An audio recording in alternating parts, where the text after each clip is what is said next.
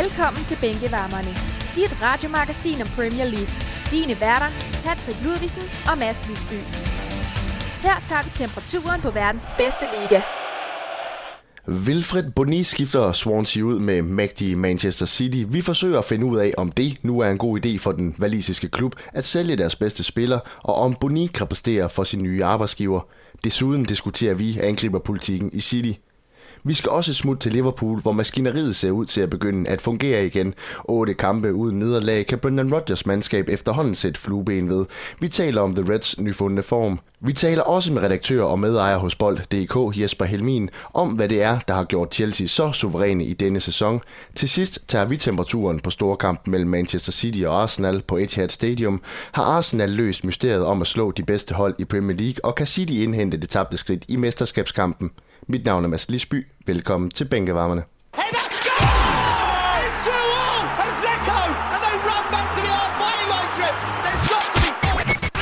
Så kunne vi sætte flueben ved runde 22 i Premier League, og ganske som jeg plejer sidder med Patrick Ludvigsen ved min side. Velkommen til, Patrick. Tak skal du have, Mads.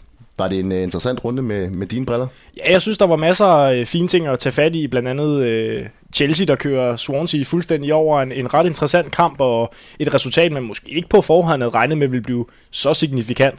Også et West Ham-hold, der indledningsvis mod hul havde problemer, men altså Jan Haller for alvor fandt det flotte spil frem og, og endte med at vinde 3-0. Jeg synes faktisk generelt, at det har været en, en ganske underholdende runde i Premier League. Hvis du lige skal pege på rundens højdepunkt, var det så uh, Chelseas overlevende sejr mod Swansea?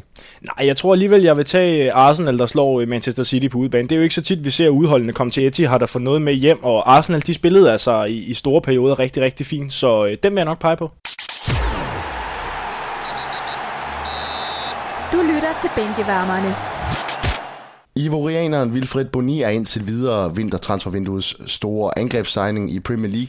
Han skifter som bekendt Swansea ud med Manchester City for 28 millioner pund. Vi skal selvfølgelig diskutere selve transferen, men også politikken omkring angriber i Manchester City, der jo har for vane at hente nogle af de dyre drenge til. De henter jo med jævn mellemrum de her øh, drøne dyre angriber, ved vi. Men mere om det senere. Bonita City, Patrick. Er det en god deal? Altså, når man tager i betragtning, at man har betalt omkring 300 millioner for en spiller, der bevares har bevist sig ganske fornuftigt i AS-divisionen, og som har bevist sig en enkelt sæson i Premier League, så synes jeg, at det er for dyrt. Øh, jeg synes ikke, at, øh, at, at... Men det har måske i virkeligheden lige så høj grad noget at gøre med de her vanvittigt opskruede priser, der er i moderne fodbold. Så, så jeg synes ikke, der er specielt meget value for money, hvis jeg skal være helt ærlig. Men i virkeligheden, altså, øh, nu siger du value for money, men er det ikke der, priserne ligger på, på de gode angriber efterhånden, og måske også, hvis man igen skal træde skridtet ekstra op, at så er det måske endnu dyrere end da? Jo, det synes jeg, men altså, så kunne man måske, øh, når man alligevel vælger at lægge 300 øh, millioner, kunne man måske smide 100 eller 150 oveni, og så få en, en, en angriber, der lige er hylden over alligevel. Det synes jeg nu alligevel, altså, jeg, jeg synes også, at man med fordel måske kunne have have kigget på en spiller med lidt mere udviklingspotentiale. For eksempel har vi en Romelu Lukaku, som øh, er ved at køre en lille smule fast i Everton. Han er godt nok øh, forholdsvis ny i klubben, øh, selvom, han, selvom han også var der på leje i sidste sæson. Øh, men, men sådan en spiller øh, tror jeg jo, man kunne få ekstremt meget ud af, hvis man kiggede den vej øh, for Manchester City for eksempel. Der er også en Christian Benteke i Aston Villa, som er et kæmpestort angrebstalent, og, og hvis han ikke havde været skadet, jamen så havde han jo nok været på endnu højere niveau på nuværende tidspunkt, end han er. Man kan sige, at han har ikke scoret så mange mål den her sæson, men jeg tror nu i virkeligheden, at det øh, hænger mere sammen med holdet omkring ham. Men er Boni ikke lige præcis det, øh, Manchester City de mangler? Han scorede altså 16 Premier League-kasser i sidste sæson. Jo, man kan sige, at de mangler jo målene, men jeg ved bare ikke helt, om jeg synes, han har den kvalitet, som der skal til på et Manchester City-hold. Når du ser de spillere, der ligger rundt omkring ham, en Silva, en Navas, øh, en Nasri, de her spillere her, det er alligevel lige på hylden over Boni, synes jeg. Men jeg synes jo alligevel, at han har gjort det fornuftigt. Han kan godt se lidt akavet ud i nogle situationer, men han er jo, har jo alligevel vist sig at være, være ret effektiv. Altså, han, øh, han er i flere omgang vendt på en tallerken, og, og, og skudt. Han har et enormt kort aftræk, og, og kan også øh, virkelig sparke til den. Jeg synes, han overrasker positivt, øh, fordi hans statur måske snyder i virkeligheden. Øh, hvordan kan han bruge den her fysik op foran? Jamen altså, man kan sige, det er jo lige nøjagtigt det, Manchester City de mangler lidt, fordi man havde jo en Alvaro Negredo førhen, som var øh, ligesom den, det fysiske i, i Manchester Citys angrebsspil, som jo øh, var der lidt med vekslende succes, kan man sige, og, og, øh, og nu også er væk igen. Øh, det mest fysiske, man har deroppe nu, det er Edin Sego, som der også går nogle rykker, rygter om, skal han også væk fra Manchester City, så ham mister man måske også, og han har vel i virkeligheden i højere grad haft en rolle som supersub i Manchester City, hvor jeg forestiller mig, at Boni er købt ind til også at starte en del kampe. Øh, det, det, det er i hvert fald øh, det, som jeg umiddelbart tror, så det bringer jo selvfølgelig noget fysik til Manchester City's angreb, og det er jo i virkeligheden det, som de godt kan mangle generelt hele City-holdet. Nu kan man sige, nu træder han jo til et hold, som har massevis af stjerner. Jeg kan jo ikke lade være med at tænke lidt på, hvor det stiller Swansea hen i, i det her regnskab. Altså man, man sælger sin måske bedste spiller, øh, og så til en af konkurrenterne i, i Premier League. Jamen, hvor stiller det det valisiske mandskab, Swansea hen? Det stiller dem rigtig skidt, fordi øh, man kan sige, det var jo lidt det samme, vi så øh, med Mitchell i Swansea også. Altså det her med, at man lever mere eller mindre på én spiller til at lave stort set alle sine mål. I den her sæson har de selvfølgelig også en Gylfi Sigurdsson, der har været det er fuldstændig øh, fremragende, synes jeg, for Swansea.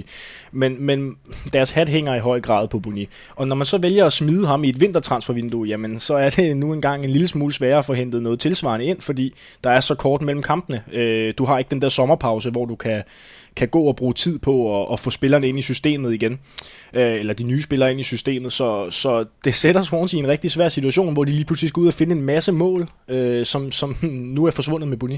De ligger lige nu på 9. pladsen i Premier League. Altså, bliver de ved med det, med salget af ham her, Boni? Nej, det, det tror jeg ikke. Jeg tror godt, vi kan tage dem øh, rasle en lille smule ned for den 9. plads. Nu får de også en ordentlig en på hatten af Chelsea her i weekenden, og øh, det ved vi jo, det er sådan nogle ting, som hurtigt kan få, få de gode perioder til at vende en lille smule, og, og med den tætte række, som vi har, især omkring midterfeltet, øh, jamen så tror jeg godt, vi kan se dem øh, drosle en lille smule ned og uden for top 10.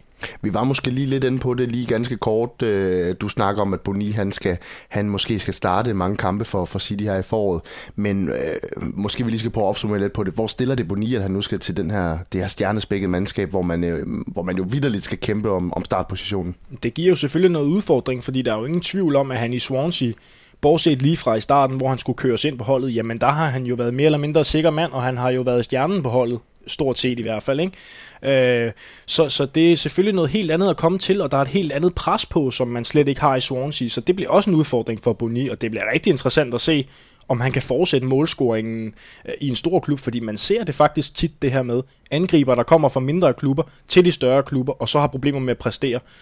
Og, og jeg synes, Boni er en fremragende spiller, men jeg tror også, det kommer til at tage noget tid, før han øh, kommer til at blomstre i City, hvis han kommer til at blomstre i City. Vi skal snakke om det lidt senere, kampen mellem Manchester City og Arsenal, men i weekenden, der spiller de jo altså øh, kun med en angriber op foran Kun Aguero. Vil der være plads til Boni? Altså, skulle man til at spille med to angriber igen, som de har gjort i en periode? Ja, det tror jeg sagtens, man kunne. Altså, det kræver jo lidt, at man går ned på en, en, en tomands midtbane, og så spiller mere med kanter. Altså, man ikke har den her offensiv midtbanespiller, den her tier, øh, som, man, som man har øh, normalt. Man kunne selvfølgelig vælge at rykke Aguero ned på den plads, og så køre med Boni helt på spids. Øh, det er også en mulighed. Men jeg tror helt bestemt sagtens, at de her to de kan starte sammen. Øh, man ser jo også tit det her med en stor, stærk angriber og en lille, hurtig teknisk angriber. Øh, det plejer jo at være et rigtig, rigtig godt matchup. Men altså 4-4-2, det er måske heller ikke den mest moderne formation i moderne fodbold. Så, øh, så det er et spørgsmål om, hvordan øh, øh, brækkerne i puslespillet lige skal gå op for Pellegrini. Men kan det ikke komme til at blive, give lidt konflikter på det her hold? Altså, jeg tænker på en Yaya Touré, han kommer også tilbage for African Nations Cup på et tidspunkt. Han vil gerne have den her fremskudte position på midtbanen. Nasri spiller også godt i den her 10'er-rolle og gider ikke udelukkende at ligge ude øh, på kanten. Så vil det ikke skabe lidt ravage på det her hold, hvis man begynder at spille øh, med Aguero som en form for 10'er, og så med Boni helt op foran, eller omvendt for den sags skyld? Jo, altså det er jo altid den, det er jo altid den øh, frygt, man kan have, når man har et hold, hvor der er rigtig mange stjernespillere. Altså man har jo i overvis også talt om det med Real Madrid, det her Galacticos-hold, altså man bare bliver ved med at købe fantastiske spillere. Jo, der vil altid være en risiko for, at harmonien kan blive ødelagt, men det er altså igen op til træneren at sørge for, at, at alle spillere er tilfredse. Og det er, det er rigtig svært, når man har med stjernespillere at gøre, spillere som alle sammen både vil og også til dels forventer at starte inden. Øh, så, så det kan det sagtens. Øh, Jaja Touré har jo heller ikke været den, den spiller med mest ro omkring sig, kan man sige, i optakten til den her sæson, og generelt også igennem sæsonen. Øh, jeg tror, det er godt for ham lige at komme en tur til Afrika og, og, og lige få et pusterum i hvert fald. Skal vi ikke sige det på den måde? Men det er jo interessant at snakke om, om, om angriberpolitikken i Manchester City efterhånden. Nu kan man sige, øh, ja, måske skillelinjen ind i går ved 2008, hvor man for alvor begynder at få de her mange ja. øh, millioner pumpet ind i klubben. Jeg har i hvert fald en liste her over City-angriber siden 2008, og der er der nogle interessante nogen øh, på listen. Også nogle dyre nogen. Ja. Så jeg ved ikke, om det er, om det er bare den den vej, de går, og så er det sådan set lidt lige meget, om, om de så bliver til noget i klubben, de her spillere. Jeg kan nævne øh, en Craig Bellamy, Robinho, en show fra Brasilien, Emmanuel Adebayor var også inde på et tidspunkt, så var der en Tevez, øh, man hentede en Balotelli i sin tid, øh, Sergio Aguero måske bedste mand på den her liste, i hvert fald i, i forhold til, til præstationer. Jamen, hvor, hvordan ser du, hvor lander Boni hen i alt det her? Bliver han bare en, endnu et dyrt indkøb, som, øh, som man ikke får optimalt ud af? Jeg synes, det er rigtig, rigtig svært at sige. Øh, når du hiver den liste frem der med spillere som Balotelli, Negredo, Rubinho, Shaw, Adebayor, Bellamy, jamen altså, det er jo en lang liste over spillere, der jo ikke har været i nærheden af at præstere tilnærmelsesvis noget, der ligner et Manchester City-niveau. Øh, så det er lidt svært at sige, hvor han kommer til at ende hen på den liste. Jeg vil da tro, at han måske kan gøre det bedre end størstedelen af dem, men der skal ikke så meget til at præstere bedre, end hverken Shaw, Rubinho eller Bellamy har gjort i Manchester City. Uh, men at komme op på det niveau, hvor vi taler øh, Øh, Aguero eller Sego, som vel i virkeligheden har været den, den anden bedste af de her angriber, de har købt til de her høje priser her, der tror jeg måske ikke helt, han kommer op men man kan jo så samtidig sige, at, at Sego er jo en fuldstændig anden type spiller, end, end Boni er. Altså, det er den her supersopper. Det er ligesom det, der er hans spidskompetence. Og jeg tror også, det man har forsøgt med Boni, øh, jamen det er, at man måske savnet en, der er lidt bedre langs jorden og kan skabe noget mere på egen hånd, og ikke i lige så høj grad skal sættes op, som Sego han skal. Øh, og det tror jeg måske i virkeligheden har været noget af det, der også har, har ligget bag det her køb her øh, af Boni. Men så kunne jeg godt tænke mig at høre, øh, personligt, er det en god idé, synes du, af Boni? Ja, så man kan sige, det er jo altid et skridt op ad karrierestigen at skifte fra Swansea til Manchester City. Det vil det altid være, øh, uanset hvem du er. Jeg synes jo, Boni, øh, han havde jo en lidt sjov udtalelse i forbindelse med transferen her, hvor han var ude at sige noget i noget i stil med, at han altid havde ønsket at spille i Manchester City, og det var vist øh, hele hans karriere eller noget af den stil. Øh, man kan så diskutere, hvor gode Manchester City har været historisk set, øh, ja. så det var måske lidt mere en publicity udtalelse, end det var, end det var smart sagt. Men han slår mig jo ellers som en, øh, som en ydmyg fyr, Boni. Øh, jeg er sikker på, at det ikke er ham, der kommer til at skabe ravage på træningsbanen. Øh, han, er jo, han er jo ikke en Balotelli-type sådan temperamentsmæssigt, så jeg tror ikke, han kommer til at gøre det store vrøvl ud af det øh, på den front. Øh, jeg tror nærmere, han går ud og, og kæmper for det, som, øh, som man jo også må sige, øh, bør være måden at gøre det på. Det, det tror jeg faktisk også, at du har ret i. Det her med, at han har noget med ydmyg indstilling til tingene, og især hvis du sammenligner ham med nogle af dem, der, der har købt ind tidligere. Ikke? Altså, igen, Robinho, igen Craig Bellamy, igen er det Bajor, Carlos Tevez, Balotelli, Stefan Jovicic. Det er så spillere, der har en attitude, så det batter øh, mange af dem. Og det har vi ikke helt på samme måde som Boni. Og det kan jo øh, i sidste ende godt være, at det er det, der, der, der netop gør forskellen, når han, og han får den mere succes, end de andre har haft. Det bliver under alle omstændigheder spændende at følge, men, øh, men lad os konkludere, knap så forkælet type som, øh, som de andre supertransfers øh, i forhold til angriberne, som Manchester City har hentet ind øh, de sidste 6-7 år. The best league in the world.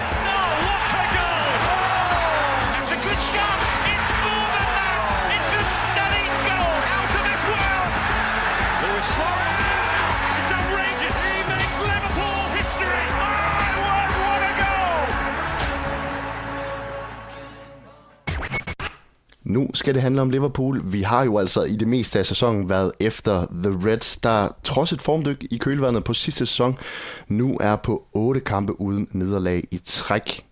Nu er mit spørgsmål så til dig, Patrick. Er de tilbage på rette kurs? Uh, uh, uh, nu skal jeg jo passe på, hvad jeg siger. Uh, de er tilbage på noget, der ligner en bedre kurs, i hvert fald. Lad mig sige det på den måde. Der er stadigvæk voldsomt langt til det Liverpool, uh, vi så sidste sæson, og der er også rigtig langt, tror jeg, til det Liverpool, Brendan Rodgers godt kunne tænke sig at se.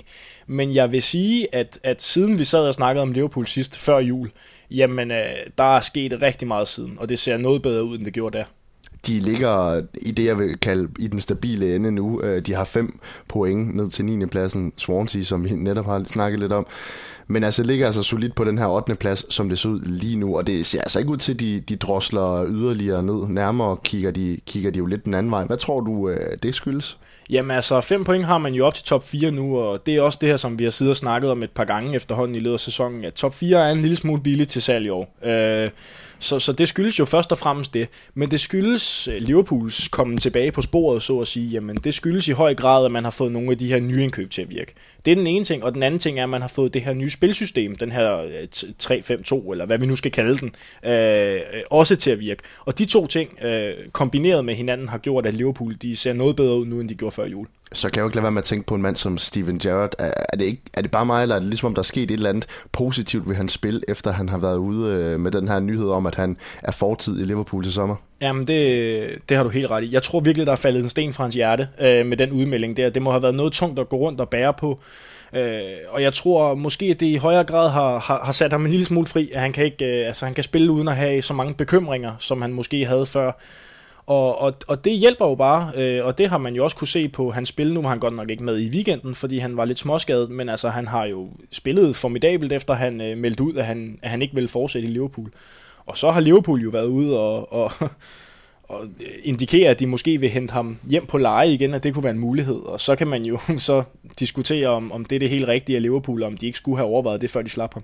Ja, det kan man selvfølgelig sige, og det er jo, det er jo lidt det her forsøg på at bevare det rosenrøde øh, i historien om Steven Gerrard. Hvilket jeg i øvrigt synes er en, en lille smule mærkelig måde at gøre tingene på. Altså for mig virker det lidt som om, at Liverpool, ligesom så mange andre, havde afskrevet Steven Gerrard. Han er nu en spiller, der bliver afskrevet hver sæson. Men den her gang, der lå, lå det faktisk til, at Liverpool også selv havde afskrevet ham. Øh, som det ser ud i øjeblikket, er han jo i gang med at modbevise det lige nøjagtigt, som han plejer. Endnu en gang. Øh, men, men de her nye spillere her, som vi også snakkede om før, Hvem er det, du øh, ser, der, der lige pludselig begynder at træde lidt mere karakter øh, for Liverpool? Jamen altså, Ricky Lambert kan jeg da starte med at hive øh, fat i. Han scorer jo i weekenden. Han har, han har det godt mod Aston Villa. Han har så scoret fire mål mod dem, hvilket øh, er flere, end, end han har scoret mod noget andet Premier League-hold. Så, så ham for det første. Jamen så også en, en, en Borini kom på tavlen. Han har altså ikke scoret i Liverpool-trøjen siden, øh, siden nedsablingen af Newcastle i, i foråret, hvor de, hvor de altså vinder 6-0. Så man kan sige, øh, om det så er, er starten på, på en ny form opgang for ham, jamen det kan jo så være svært at svare på, men jeg synes i hvert fald, at han spiller godt øh, isoleret set i den her kamp. Øhm, så synes jeg også, at man i bagkæden har rimelig godt fat i kampen. Altså, øh, de sejler ikke, som de på andre tidspunkter i sæsonen har gjort. Og så begynder det jo lige pludselig at ligne, at man har et fundament i klubben. Ja, men det er jeg sådan set helt enig i. Og en af de ting, som jeg rigtig godt kan lide, hvis vi skal starte med Borini, som du også roser, jamen det er hans løbevillighed, hans agerighed, hans passion, hans øh, fanden i voldskhed. Altså, der er knald på deroppe. Og man får noget bevægelse, øh, som man ikke får, når man bringer en Balotelli eller en Ricky Lambert for eksempel fra start. Øh, og det kan jeg rigtig, rigtig godt lide. Man kan så sige, øh, er talentet helt der, hvor, hvor han også skal have lov til at spille i Liverpool?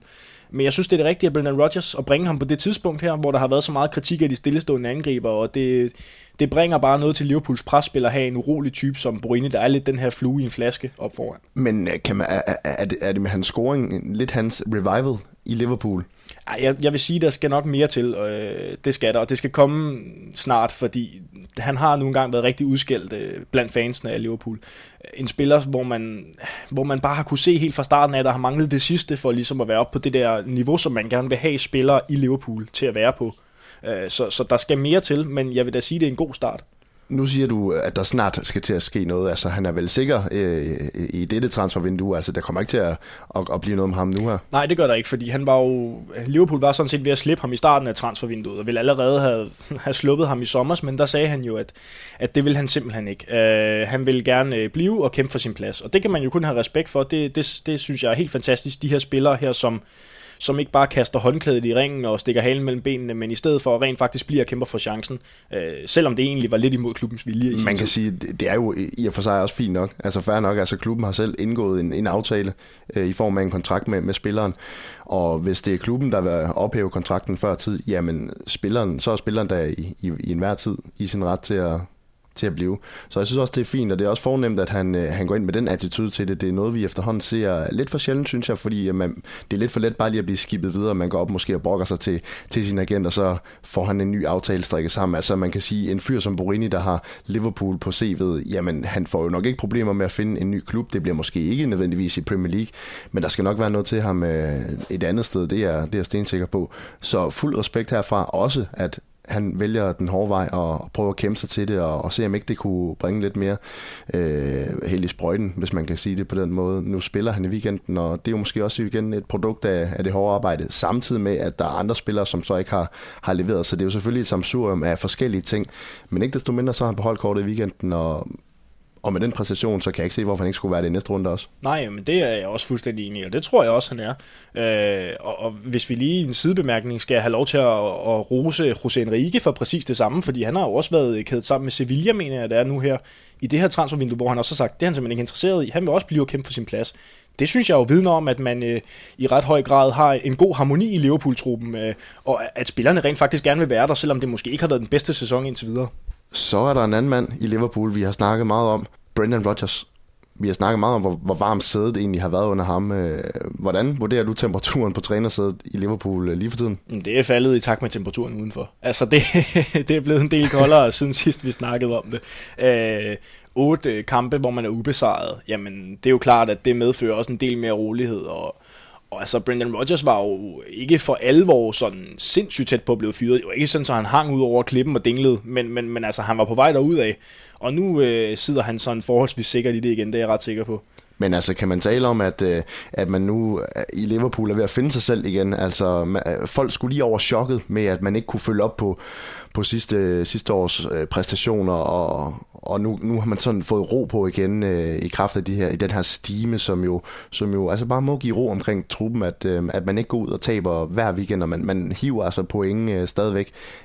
Altså, er, er de ved at finde sig selv, altså på baggrund af alt det her, der er sket? Ja, både og. Altså, jeg vil, jeg vil sige sådan ret fodboldklichéagtigt, at det er stadigvæk ret meget en proces, fordi man er slet ikke der lige nu, hvor man gerne vil være. Der er stadigvæk rigtig lang tid øh, spilmæssigt øh, til det, som man gerne vil.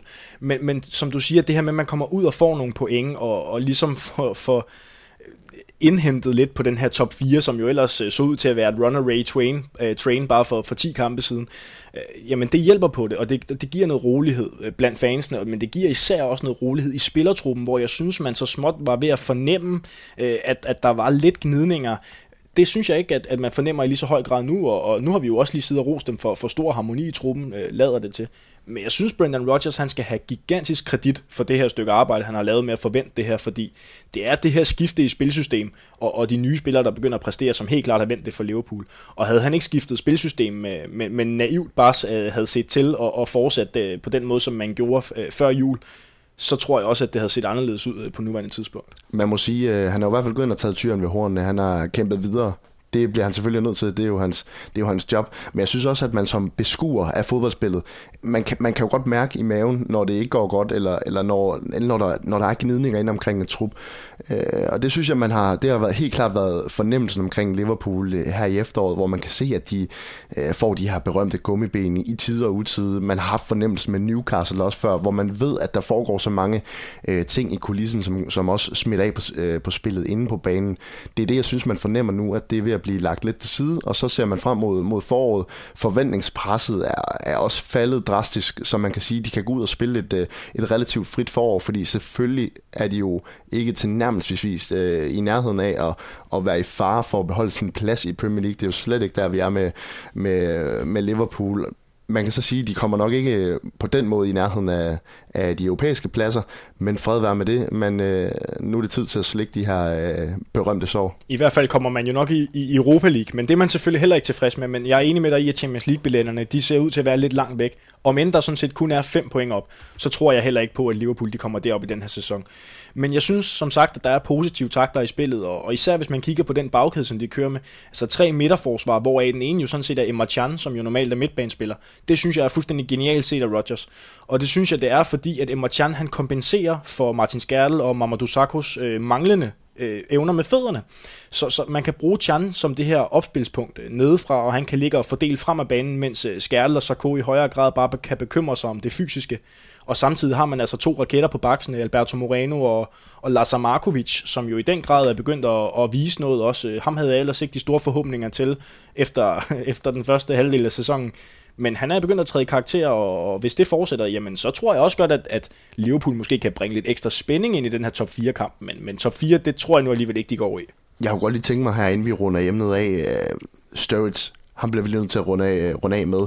Hvor stiller det ham hen i, i hele det her øh, spil? Altså skal han til at kæmpe ekstra for at komme tilbage på holdkortet, når han øh, bliver sin skade kvidt, eller, eller har man stadig så meget brug for ham, at han bare har været lige ind i startopstillingen? Jamen altså, når han er fysisk klar til det, så er der ingen tvivl om, at han vader direkte ind i startopstillingen. Som jeg ser det, så er der slet ikke nogen diskussion. Førstevalget på angriberpladsen er jo i øjeblikket Raheem Sterling, og det er jo lidt ude af positionen, kan man sige, og så har Borini jo så spillet den de sidste par kampe. Men, men når Sturridge er fysisk klar, og han skal være fysisk klar, og det er væsentligt, at han er 110% klar, fordi ellers så lader man ham ikke spille. Og når det er tilfældet, ja, så går han direkte i startopstillingen.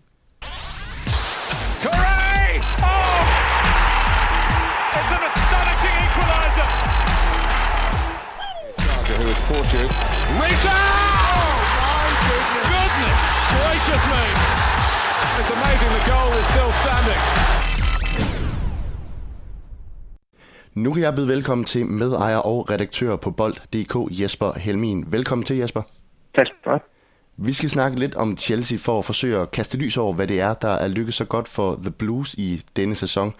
Og Jesper Helmin, det er jo ikke nogen hemmelighed, at du følger Chelsea rigtig, rigtig tæt. Nej, det kan jeg vist ikke, øh, ikke skjule. Det er min, øh, min helt store passion, når det kommer til udlandsfodbold. Det er, det er Chelsea, som jeg har fulgt gennem de sidste øh, ja, godt og vel 20 år efterhånden. De har jo altså ført Premier League stort set hele sæsonen, og de udraderer så Swansea med 5-0 i weekenden på udebane. Kan du ikke lige starte med at forklare os, hvorfor Chelsea har haft så suveræn en sæson, som de har haft? Jamen, man kan sige, at der, der er flere forklaringer på det. Først og fremmest så har, øh, har Chelsea øh, på et eller andet niveau været, været heldige og været, været fuldstændig forskånet for, for skader, i hvert fald på, på nøglepositionerne. Mourinho har, har gang på gang kunne stille med det samme hold, især, øh, især defensivt, og især, især den her midterakse har, har fungeret rigtig, rigtig godt. Øhm, Diego Costa er kommet ind, har, øh, har scoret de mål, som, som Chelsea egentlig har manglet de seneste sæsoner, hvor man, hvor man ikke rigtig har haft en angriber, der har markeret sig. Og så er øh, Fabregas kommet ind og har, har lagt op til en masse mål, så der er egentlig, der er egentlig sådan en masse forklaringer på, at, øh, at det fungerer så godt, som, som det gør for Chelsea i øjeblikket. Chelsea de har jo altså fornøjelsen af at have The Special One, José Mourinho, til at stå i spidsen for det her yderst velspillende mandskab. Vi ved jo, at han er en mand, der er delte meninger om, fordi der ofte er meget virak omkring ham. Men hvad er det, José Mourinho han lykkes så godt med i spidsen for Chelsea? Jamen, jeg tror, det øh, Mourinho først og fremmest lykkes rigtig, rigtig godt med. Det er det, er det taktiske. Han, øh, han ved 100% hvordan han gerne vil sætte sit hold op. Han ved, hvilke typer han har brug for, for øh, at han hold kan spille den taktik, han gerne vil. Og det, øh, det er det, han sådan ligesom brugte den første sæson i Chelsea på. Det er at finde de her typer, som, som han skulle bruge. Han fandt uh, Matic uh, egentlig allerede sidste, uh, sidste sommer, eller forrige sommer bliver det så, hvor han, hvor han tilsår. Og ville gerne have haft ham allerede dengang, men fik ham så først for et års tid siden. Og Matic har været, været øh, måske den helt store nøgle i mine øjne til, at, at det her hold fungerer så godt, fordi han, øh, han fylder så meget på den her centrale midtbane og giver så meget plads til Fabregas, som så kom til i sommer. Så fandt han angriberen i Diego Costa, og så har han egentlig, kan man sige, det hold, som, som han gerne vil have. Så, så det er i hvert fald den, den første nøgle, det er, at alle spillere ved 100% hvad Mourinho forlanger af dem. De ved, hvilke, hvilke opgaver de har på holdet. De ved, hvilke opgaver hvad skal man sige, naboerne på holdet har, så de kan gå ind og dække af, hvis, hvis der er nogle problemer. Det andet, det er jo selvfølgelig den her, den her mentale del af det, som, øh, som Mourinho jo uh, ser ud til at elske, i hvert fald øh, mediespillet og hele spillet omkring. Øh, jamen, hvad sker der i klubben? Hvad sker der i de andre klubber? Hvad, hvad, hvad skal vi gøre ved dommerne? Og så videre, og så videre. Mourinho, han tager jo alt presset fra spillerne. Det er jo ham, som, som står forrest hver eneste gang. Han, han, han roser dem, når de har tabt. Han, han sviner dem lidt til en gang imellem, når de har vundet, når han ikke mener, det har været godt nok men han tager presset fra dem, og, og det tror jeg øh, i, i mange år, år har været den helt store, store nøgle for Marino. Det er det her, at, at han er the special one. Det er ham, som, som ligesom går for skidt brystet frem, når der er noget. Han taber aldrig på hjemme, øh, hjemmebane, ham her, Mourinho. Hvorfor er det så svært at spille mod øh, Mourinho og Chelsea-mandskabet på Stamford Bridge?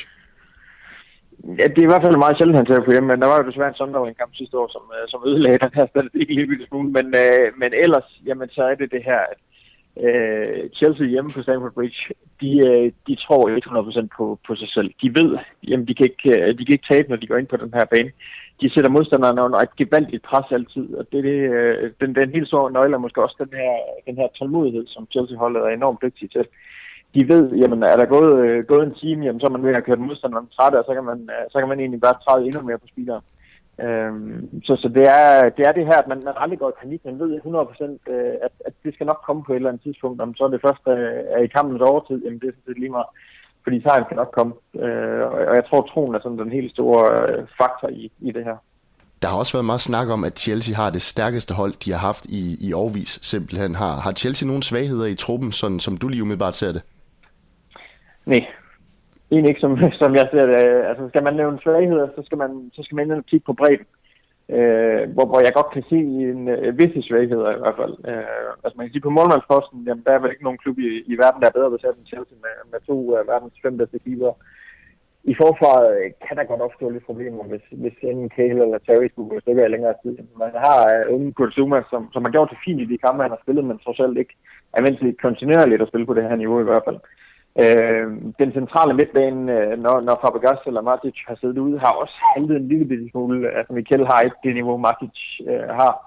Og Ramirez, som, som kan se sådan mest som, som Fabregas afløser, har, har ikke været i gear, har haft lidt sygdom og, og har været sådan lidt et problemer den her sæson, så ikke, øh, ikke, ikke vist det, han tidligere har vist i hvert fald. Øhm, og så kan man sige, at øh, på kanterne af højre kanten har sådan lidt været Chelsea's problem indtil videre den her sæson, hvor, hvor der er vekslet sådan lidt mellem Willian og Schürrle. Og Schürrle har så været, været lidt syg også og haft lidt problemer. Øhm, så, så det, er måske, det er måske den største sværhed, det er den her højre kant, hvor, hvor der også har været talt lidt om, øh, hvad, hvad der skal ske på. Hvordan ser du hierarkiet på, på den højre kant? Altså, øh, hvis vi har en Willian i stor form og en, og en Schürrle i stor form, hvem, øh, hvem er så bedst af de to egentlig?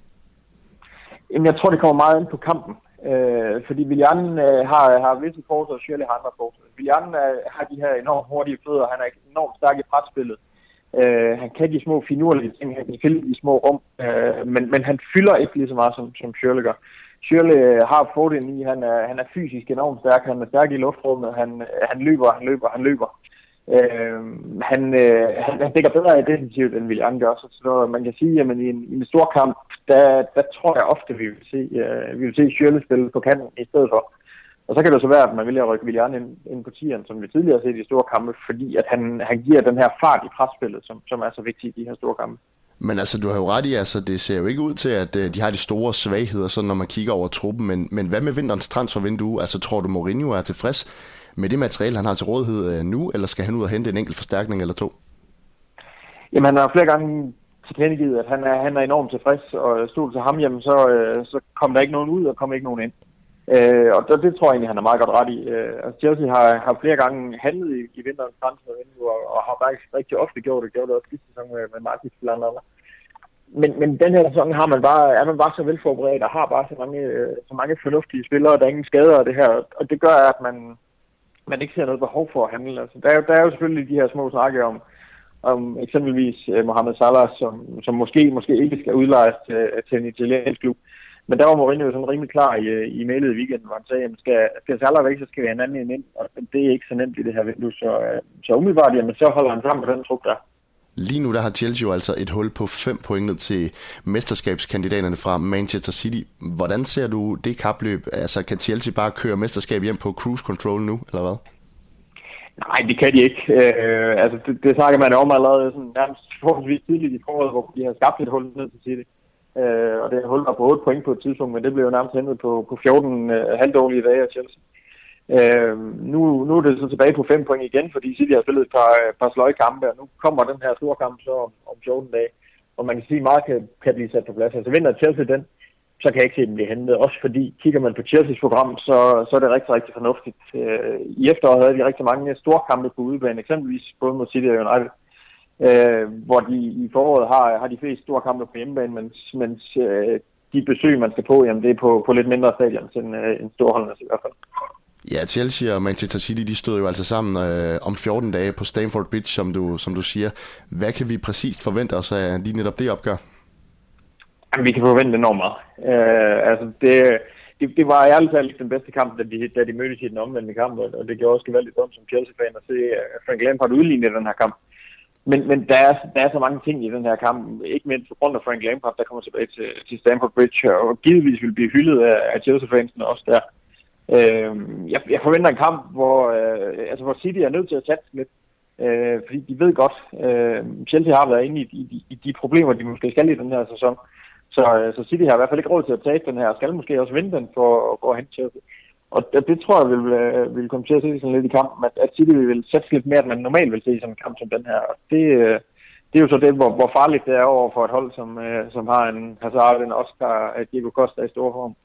Øhm, det, det tror jeg godt kan, kan blive udsatsgivende, det her, at City er nødt til at men er det ikke noget, der passer Mourinho glimrende, det her med, at øh, han ved, at, at modstanderholdet de skal ud og satse hele butikken for, for at følge med i mesterskabskampen, så kan de øh, læne sig lidt tilbage øh, på banen øh, og så bare afvente situationen? Jo, det passer han perfekt. Øh, altså Mourinho har jo, har jo afskillige gange sagt, at han, hans hold øh, skal ikke nødvendigvis underholde, hans hold skal vinde. Øh, og det her med at, med at sætte et hold op til en kamp, hvor modstanderne skal mere end Chelsea skal, jamen det er Mourinho mesteren i. Øh, det, det har vi altid set, når de spiller på udebane. Og man kan sige, jamen, jeg, jeg kan måske godt forvente lidt, at Chelsea kommer til at spille lidt, lidt som de spiller på udebane i den her kamp, fordi lige præcis, at City, uh, City er mere presset end Chelsea er. Så Chelsea kan vente. Øh, de kan se, jamen, hvad kommer City med, og, og skaber City så, øh, så noget offensivt, hvilket giver noget plads til Chelsea, jamen så slår man igen. Fordi det er også noget af det, vi har set i den her sæson. Når Chelsea først får, øh, får pladsen, eller erobrer bolden højt op, ligesom vi så med Swansea for eksempel, jamen så, øh, så er de ekstremt giftige, og så står de til, for de scorer altså på de her chancer i øjeblikket. Vi skal lige høre til sidst, øh, hvem vinder kampen? Det er godt, Jes. og det var slet ikke et farvet, øh, farvet svar. Overhovedet ikke. Jesper Halmin, det har været interessant at høre dit øh, syn på tilstanden i Chelsea. Tak fordi du øh, vil være med her. Velkommen.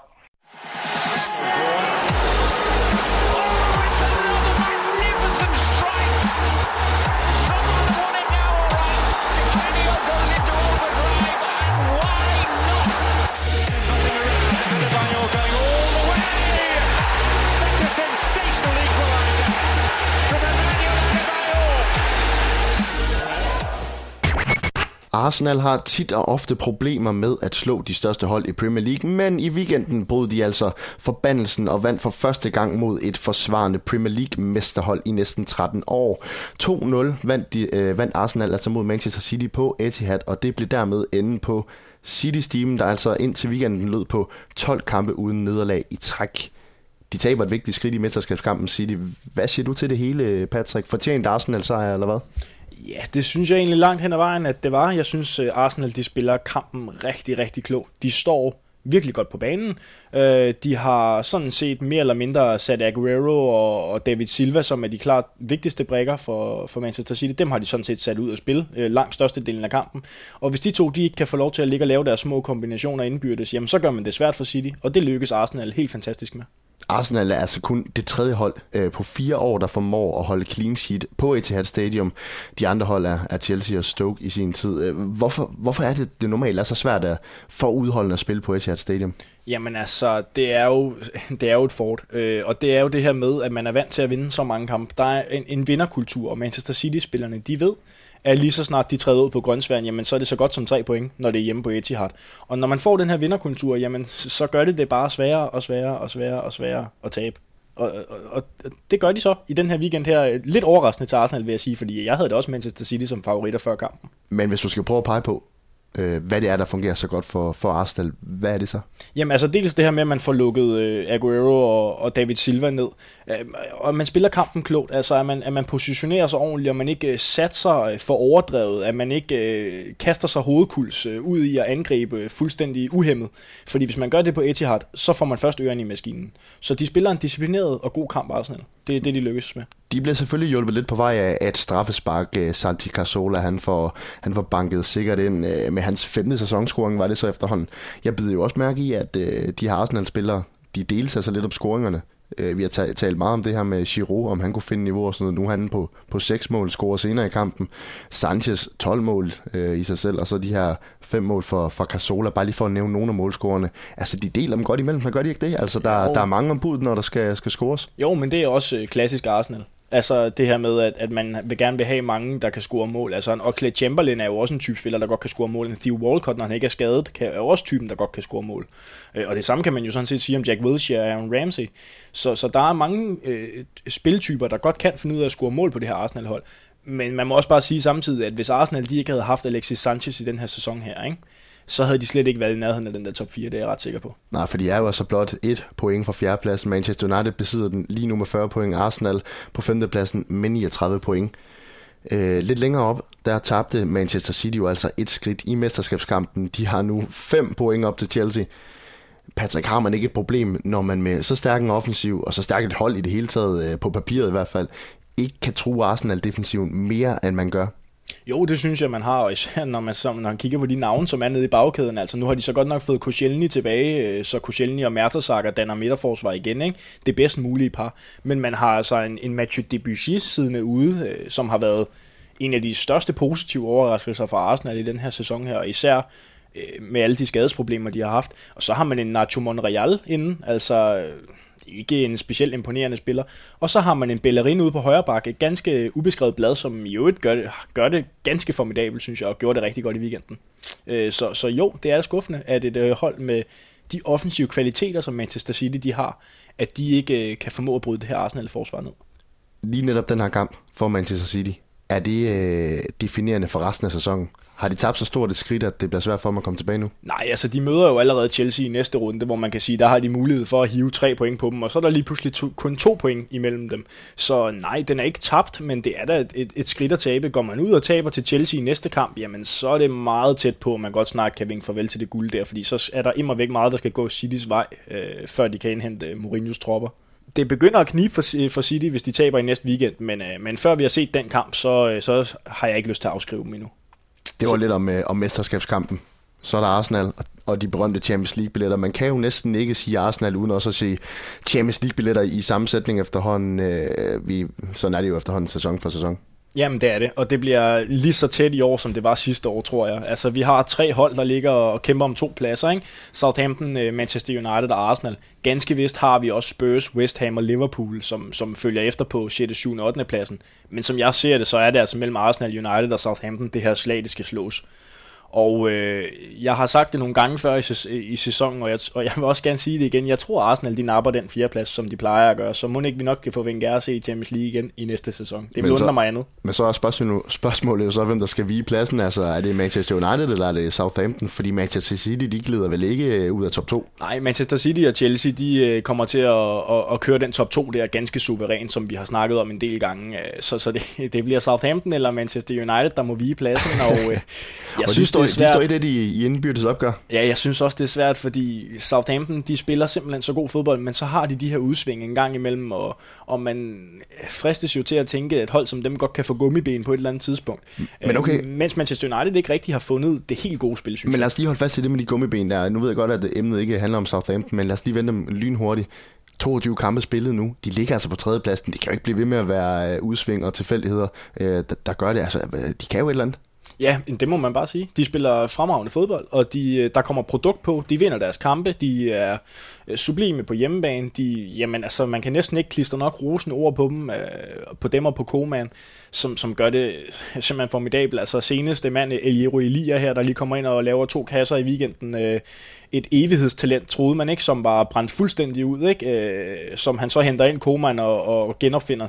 Altså, alt kører bare for dem på sydkysten, så, så det er lige før, jeg tror, at de også kommer i top 4. Det, det, uh, det er tæt på i hvert fald. Så det, det er en lille afskrivning af, Manchester United, fordi Arsenal, siger du jo godt nok, de, de lander deroppe. Oh, ja, det er det jo næsten ikke, men, men oh, du presser mig også nu, kan jeg mærke. jeg, vil, jeg vil have det op i krogen. Nej, altså, øh, man må også være tro mod de ting, man, man selv har sagt tidligere på sæsonen, og der har jeg sagt, at Southampton nok skal glide ud af den top 4, så, så i sidste ende vælger jeg at være tro mod det, og så siger jeg, at det er Arsenal og United, der løber med de to øh, pladser. Man må også sige, altså på, på papiret ser det jo ud til at være det realistiske bud. Øh, hvad virkeligheden den så byder på, når vi låner lidt hænger, længere hen på sæsonen, det må vi så se. Men altså, ekstremt spændende, det må vi bare øh, erkende. Altså, de ligger lige der inden for ja, 2-3 point, øh, trip trap træsko i de, i de positioner der omkring øh, 3. til 5. pladsen. Det bliver enormt spændende. Øh, Arsenal, de... Øh, de bejler, de bejler kraftigt til at, til at hoppe derop øh, allerede snart. Altså, hvad tror du selv, hvis jeg må spørge? Ja, nu trænger du mig op i går. ja. Jamen altså, Arsenal, de har jo, de har jo historikken med sig. De, uh, Arsene Wenger, han ved, han ved jo, øh, hvad han skal gøre for, for uh, Havner, så, så må ikke han nok skal få billetterne til endnu en omgang uh, europæisk fodbold på, på allerhøjeste niveau. Det, det er jeg enig med dig Men hvem tager så den anden plads?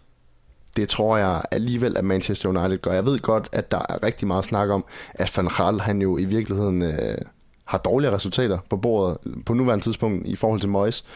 Men alligevel, han, han virker altså mere sikker ved styrepinden end, end netop Moyes gjorde, og det er jo en helt anden retorik omkring Manchester United i dag, end det var for, hvis vi bare spoler tiden et år tilbage, hvor man jo var ja, udad til øh, næsten var en undskyldning for sig selv kamp efter kamp. Øh, Moyes, han øh, var jo under det her enorme pres, øh, som vi kan huske, og kom med nogle, hvad skal man sige, lidt vattede udtalelser nogle gange. Altså, man er ikke rigtig op, ligesom Van Gaal gør, hvor han jo han går ud med en helt anden retorik og, og viser, at han, han styrer altså Bixen her. Så alene på det, øh, mener jeg, at det, det er med til at banke noget vinderkultur ind i, i United, som, som gør, at de nok skal havne derop. Og siden vi allerede har konkluderet, at de to første pladser, øh, at der ikke kan, kan rokkes ved dem, og at Arsenal er på vej op, jamen så er det desværre Southampton, der må, der må ryge i svinget, når vi øh, når nogle længere runder frem, fordi de, de har lige lidt at leve øh, af endnu i forhold til, til point. Det bliver spændende at se, om, øh, om vores profeti den holder stik. En øh, ting, jeg godt lige kunne tænke mig, at vi nåede at runde, før vi, øh, før vi stopper den her snak, som, som i virkeligheden blev lidt bredere, end vi havde regnet med, øh, jamen det er, Manchester City går ud og taber den her kamp hjemme på Etihad. Hvad er det, Manchester City mangler, synes du? Altså, hvad er det, der, der mangler, før de er helt oppe på det her Chelsea-niveau og, og bare kører alt og alt over? Jamen, man fristes jo næsten til at sige, jeg er Touré. Gør man ikke det? Altså, nu det han, synes jeg også. Nu er han jo ude og spille African Nation, Nations Cup, og de mangler ham jo bare. Det, det, det må vi bare konkludere, at, at han er en rigtig vigtig dynamo på, på midtbanen øh, i kraft af de mål, han scorer, i kraft af de ting, han i scene sætter, og, og du har den her ekstra mand øh, til, at, til at være med frem på dødboldene også. Øh, jamen, det er, det er en ekstra force i dit spil, du lige pludselig mangler. Så øh, jamen, jeg vil pege på ham. Ja, altså en anden ting, jeg også vil pege på, fordi jeg er sådan set enig, fuldstændig enig i det, du siger. Altså man, kom, man kommer med ingenting fra midtbanen. Fernando og Fernandinho, de, de kan jo intet offensivt, hvis man skal sammenligne det med Yaya Touré. Der er simpelthen intet styrke eller gennemslagskraft dernede fra. Øh, så synes jeg også, at man, øh, man i midterforsvar har nogle problemer. Jeg synes ikke, Kompani han er den midterforsvar, som han har været. Øh, bevares, han er stadigvæk en, en, en, en klassespiller, men jeg synes stadigvæk, han mangler noget i sin timing og sin indgreb i forhold til, hvad vi har set ham. Og så synes jeg især, den anden plads i midterforsvaret er problematisk. Der vælger man at starte Martin De Michelis her i weekenden, øh, som jeg vist også har været ude med snøren øh, efter et par gange. øh, men man vælger simpelthen at sætte Mangala af, det her nyindkøb øh, i midterforsvaret, som jo man jo havde forudsagt ville blive en, en, en helt fantastisk spiller for City, men han har altså bare manglet rigtig, rigtig, rigtig meget, og nok også mere, end man lige havde forventet.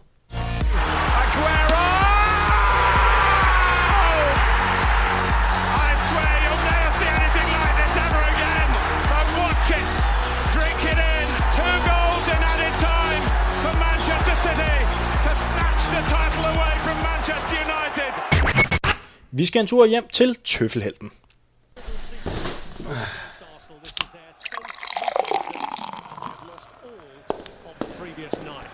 Sidder du nu der igen? Jeg har sagt til dig, at du kun skal se én fodboldkamp. Hvorfor er det, du bliver ved med bare at sidde og se det lort? Vi skal hjem til min mor og spise. Du skal støvsuge. Du skal være... Øh, bare jeg lytter til Tøffelheltens tv-guide.